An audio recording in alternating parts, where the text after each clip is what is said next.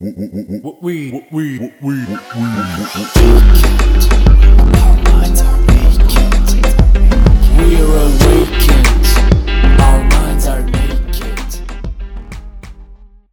svima, ja sam Martina Đokić, a vi slušate podcast Mentalni nudista. Nalazimo se u epizodi broj 46, sezone 2. I u ovoj epizodi govorit ću malo o zidovima od stakla, iza kojih mislimo da smo se sakrili zato se zovu zidovi od stakla, zato što su providni, vidi se iza njih šta pokušavamo, ali mi smo uvjereni da smo mi sve to nešto dobro sakrili i da se to ništa ne vidi. Na što konkretno mislim? Mislim na neke naše nesigurnosti, mislim na neke uh, komplekse, strahove, nedovoljnosti sa kojima se nosimo, koje osjećamo u sebi, a oko kojih onda mi gradimo neke strategije kako da zamaskiramo to, to što želimo da zamaskiramo i kako da iskreiramo neku perspektivu u kojoj se ne vide te naše slabosti, a u stvari e, iz tolikog stresa kreiramo te strategije i te neke e, planove sakrivanja da počnemo toliko da brljamo da sve postane očigledno. I e, jako je očigledno kada nismo u skladu sa nečim što tvrdimo da jesmo ili kada se pravimo da nam ide nešto što nam u stvari ne ide ili kada, ne znam, lažemo da nas ne muči nešto što nas muči ili kada se pretvaramo da nas ne pogađa nešto što nas pogađa ili, znači šta god, šta god bilo, šta god se mi pravili, vidljivo je. E sad naravno, jako je važno da razumijemo, mi to ne radimo zato što smo loši, mi to radimo zato što ne, nismo dobro s tom nekom temom, osjećamo da, da ne znam, da nemamo kapacitet da se nosimo s njom, da ne znamo kako da iznesemo tu svoju nesigurnost, nesavršenost, nedovoljnost i tako dalje. I onda, pošto ne znamo kako da se nosimo sa tim, mislim zapravo ono što smislimo kao način nošenja sa tim je ta neka maska koju iskreiramo i taj neki zid iza kojeg sakrijemo tu istinu od ostatka svijeta, eventualno je podijelimo sa nekim bliskim ili par bliskih ljudi, ali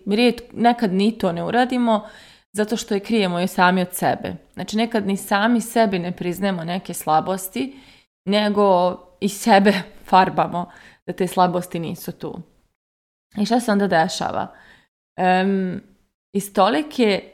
drame u sebi, iz tolikog stresa, iz tolikog preživljavanja, mi iskreiramo te neke maske da to toliko energije počne da troši, ta, ta, strategija zaštite, ta, ta igra koju smo izgradili, ta kompleksna šema oko koje, koju smo stvorili da bismo zamaskirali svoje slabosti, ona je toliko naporna i toliko energetski teška da počnemo da gubimo koncentraciju i počnemo da pucamo po šavovima, odnosno postane očigledno da ipak ne znamo šta radimo. I ko je iole malo sabranija osoba jako lako može da vidi koliko ne znamo šta radimo, ma koliko mi glumili da znamo. I to je zaista, zaista, nažalost, mislim ne nažalost, na sreću to je vidljivo i na sreću, na sreću dobro je da je vidljivo jer što prije prihvatimo da je sve očigledno, uh, to ćemo prije i biti spremni da poradimo na stvarima koje, koje pokušavamo da sakrijemo, to jest da umjesto da ulažemo energiju u sakrivanje, mi lijepo ulažemo energiju u iscjeljenje. I e, meni recimo, mislim, ja se bavim poslom kojim se bavim, ali već dugo godina nemam više tu idealizaciju ljudi, ne očekujem ni od kog da je savršen, pa ni čak ni od ljudi koje, od kojih sam naučila mnogo, ne znam da su samo ljudi, jer sam nekad davno imala te neke idole, koji su, od kojih sam ono, svašta nešto naučila, ali sam ih idealizovala i vjerovala u te njihove igrice koje su oni sami gradili. I onda bih se razočaravala. Onda kad se razočaram u njih, znala sam da se razočaram i u sve što sam od njih naučila. Međutim, vremenom i iskustvom postala sam malo mudrija, pa shvatila da od svakog na ovom svijetu može nešto da se nauči i da niko na ovom svijetu nije savršen, ma koliko glumio da jeste i e, da samo oni koji grčevitije to glume zapravo kad tad će da ne takav neki ono uh, kažem, takav neki očigledan ispad da naprave, da će kao odjednom svi da se šokiraju kako ta osoba, a sve vrijeme su mislili da je ovo ili ono, znači ne postoji savršena osoba i to je jako važno da shvatimo. I samim tim što ne postoji niko koji je savršen, sasvim je u redu da shvatimo da, mi ni, da ni mi nismo savršeni. I što prije prigrlimo tu ideju da stvarno nismo savršeni, to će nam biti lakše da stanemo uz te svoje strahove, drame, nesigurnosti i nedovoljnosti i da prosto prigrlimo i to i vidimo šta ćemo s tim. Što smo uvjereniji da moramo budemo savršeni i da ljudi treba da budu savršeni, to više energije odlazi na glumljenje nečega što nismo i to sve dalje od svoje autentičnosti, a sve više potrošeni, uh, potrošeni, sve više da kažem, trošimo svoje resurse i svoje živce i svoje vrijeme i sve uh, u građanju neke slike koja nije istinita o nama. I onda kažem, pošto to dolazi iz traume, ta igra, ta, ta izgradnja, onda mi prosto jeli, ne možemo to dovoljno dobro da zamaskiramo. I poznajem mnogi ljudi koji glume da imaju savršenu vezu, koja je meni preočigledno puna problema i mislim i oni znaju da je puna problema, ali nije im, nije im lako da sami sa sobom prihvate da su uložili puno vremena u takav odnos ili da prosto misle da ne mogu bolje od toga. Pa onda, ono, da kažem, uh, buildaju to da to izgleda, da se, da se to čini kao nešto savršeno za mnogo ljudi koji glume da imaju puno više nego što imaju i glume da, da znaju puno više nego što osjećaju da znaju i to ne znači da oni ne znaju puno, to samo znači da ne mogu, da su toliko nesigurni u svoje znanje da ni to koje imaju ne vide kao dovoljno, nego glume da, da nešto više znaju, da su pametniji nego što oni osjećaju da su pametniji, a onda negdje nekako to se i vidi kroz neke ono kako kažem kroz, kroz neka ponašanja koja, koja se prikažu u procesu testiranja tog znanja jeli kad treba da se iskažu profesionalno kad treba da pokažu koliko su stručnjaci uglavnom naprave neku samosabotažu ili se blokiraju ili tako nešto jer ne mogu da iznesu to do kraja uh, postoje ljudi mislim sami znate mnogo ljudi nešto glumi i opet kažem, ne zato što su loši, ne zato što su što su bezobrazni, nego zato što su ranjeni, zato što su istraumirani, zato što su nesigurni. I postoji mnogo ljudi koji glume da im, ni, da im, ono, da im je dobro, a nije im dobro, jer im je e, pre, previše da priznaju da je tu gdje su nije dovoljno dobro za njih, a da nemaju snage da idu dalje. I ja sama sam igrala svoje igrice puno puta i sigurna sam da neke idem danas igram, samo treba mi vremena da ih otkrijem, pošto i od sebe nešto krijem sigurno. Ali, recimo, ja kada sam zatvorila firmu u Beču, to jest kad se zatvorio hub, ja sam bila tužna i bilo mi je teško, ali sam nekako, ovaj, brzo sam se, brzo sam okrenula perspektivu na, na dobru stranu i brzo sam nekako, ovaj, da kažem, zaokružila tu priču i kao ok, to je najbolje tako bilo, ja imam povjerenje da je to najbolje i s tom idejom sam nastavila život. Međutim, tek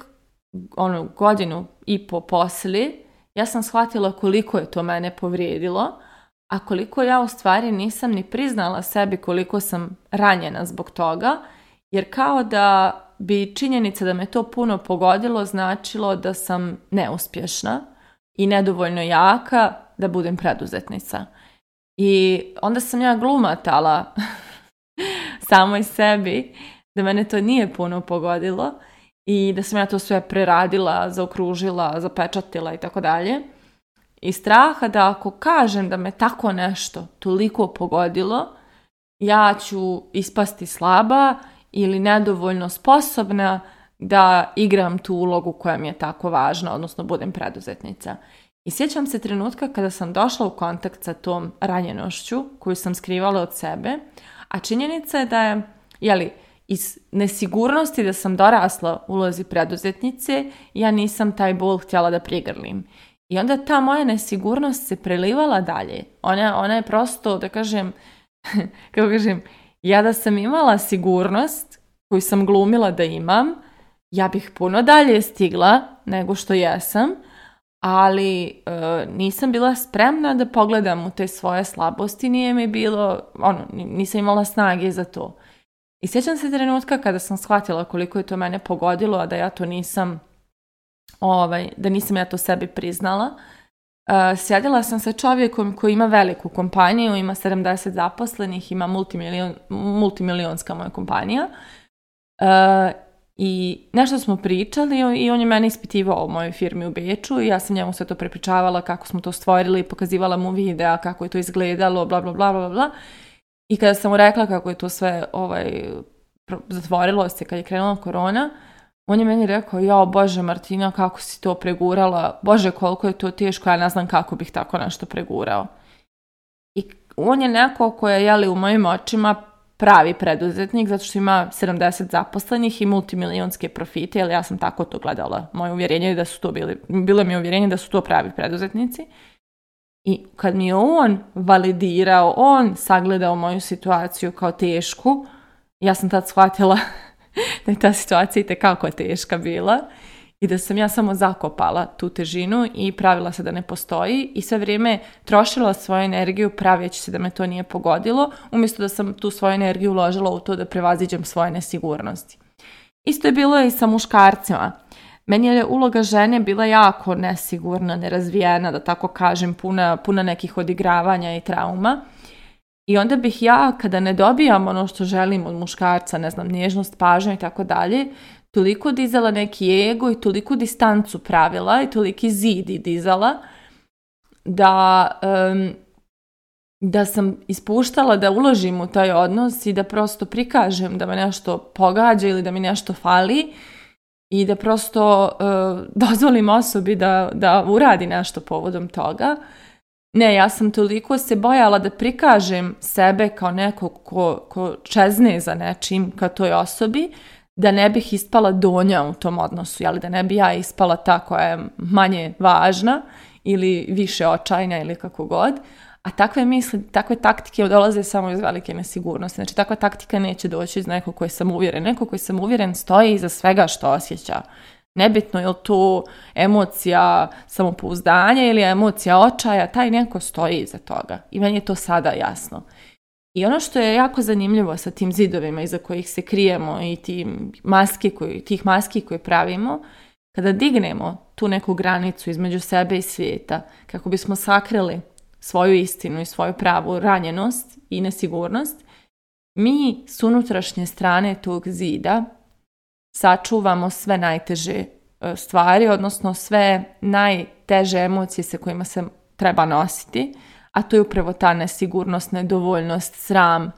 strah od odbačenosti, svašta nešto. Znači sve se to zatvori s naše strane zida. A sva ljubav koja ide ka nama i koja pokušava da nam pokaže da ipak jesmo i vrijedni, dobri i, zaslužujemo i pažnju i ljubav i novac i, i uspjeh i sve živo, sva ta ljubav se odbija od taj zid i ostaje sa spoljašnje strane. I to je zapravo najtužnija E, najtužniji dio priče oko ovih igrica i maski koje pravimo, što mi zatvarajući se iza te maske zapravo zatvaramo dotok ljubavi ka sebi, jer mi time prosto zatvaramo svoju ranjivost, a kroz taj kanal dolazi i dobro, i kroz taj kanal jel ide i sramota i ljubav i odbačenost i prihvaćenost, sve ide kroz isti kanal. I kada mi te svoje strahove sakrijemo iza zida, sve, e, da, da, ih ne bismo, da, da ih ne bismo testirali u odnosima, da ne bismo došli da se ne bi desilo da neko vidi da mi se bojimo ili da nismo dovoljno dobri, tako dalje, mi to sakrijemo, a onda ni, ni mi ne vidimo da jesmo dovoljno dobri, da smo vrijedni ljubavi, što nešto, koliko god nam to ljudi pokazivali, jer se previše bavimo tim skrivanjem. Nismo toliko fokusirani na to skrivanje tih svojih slabosti, da nemamo vremena da primijetimo snage i da nemamo vremena da primimo sav feedback koji govori koliko vrijedimo. I to je zapravo, da kažem, najtužniji dio ove priče. Tako da moje pitanje za kraj ove epizode jeste da li se i vi krijete iza svojih zidova od stakla ili ste spremni da ih spustite i prikažete do kraja koste. Mislite o tome a mi se družimo u narednoj epizodi. We are naked. Our minds are naked.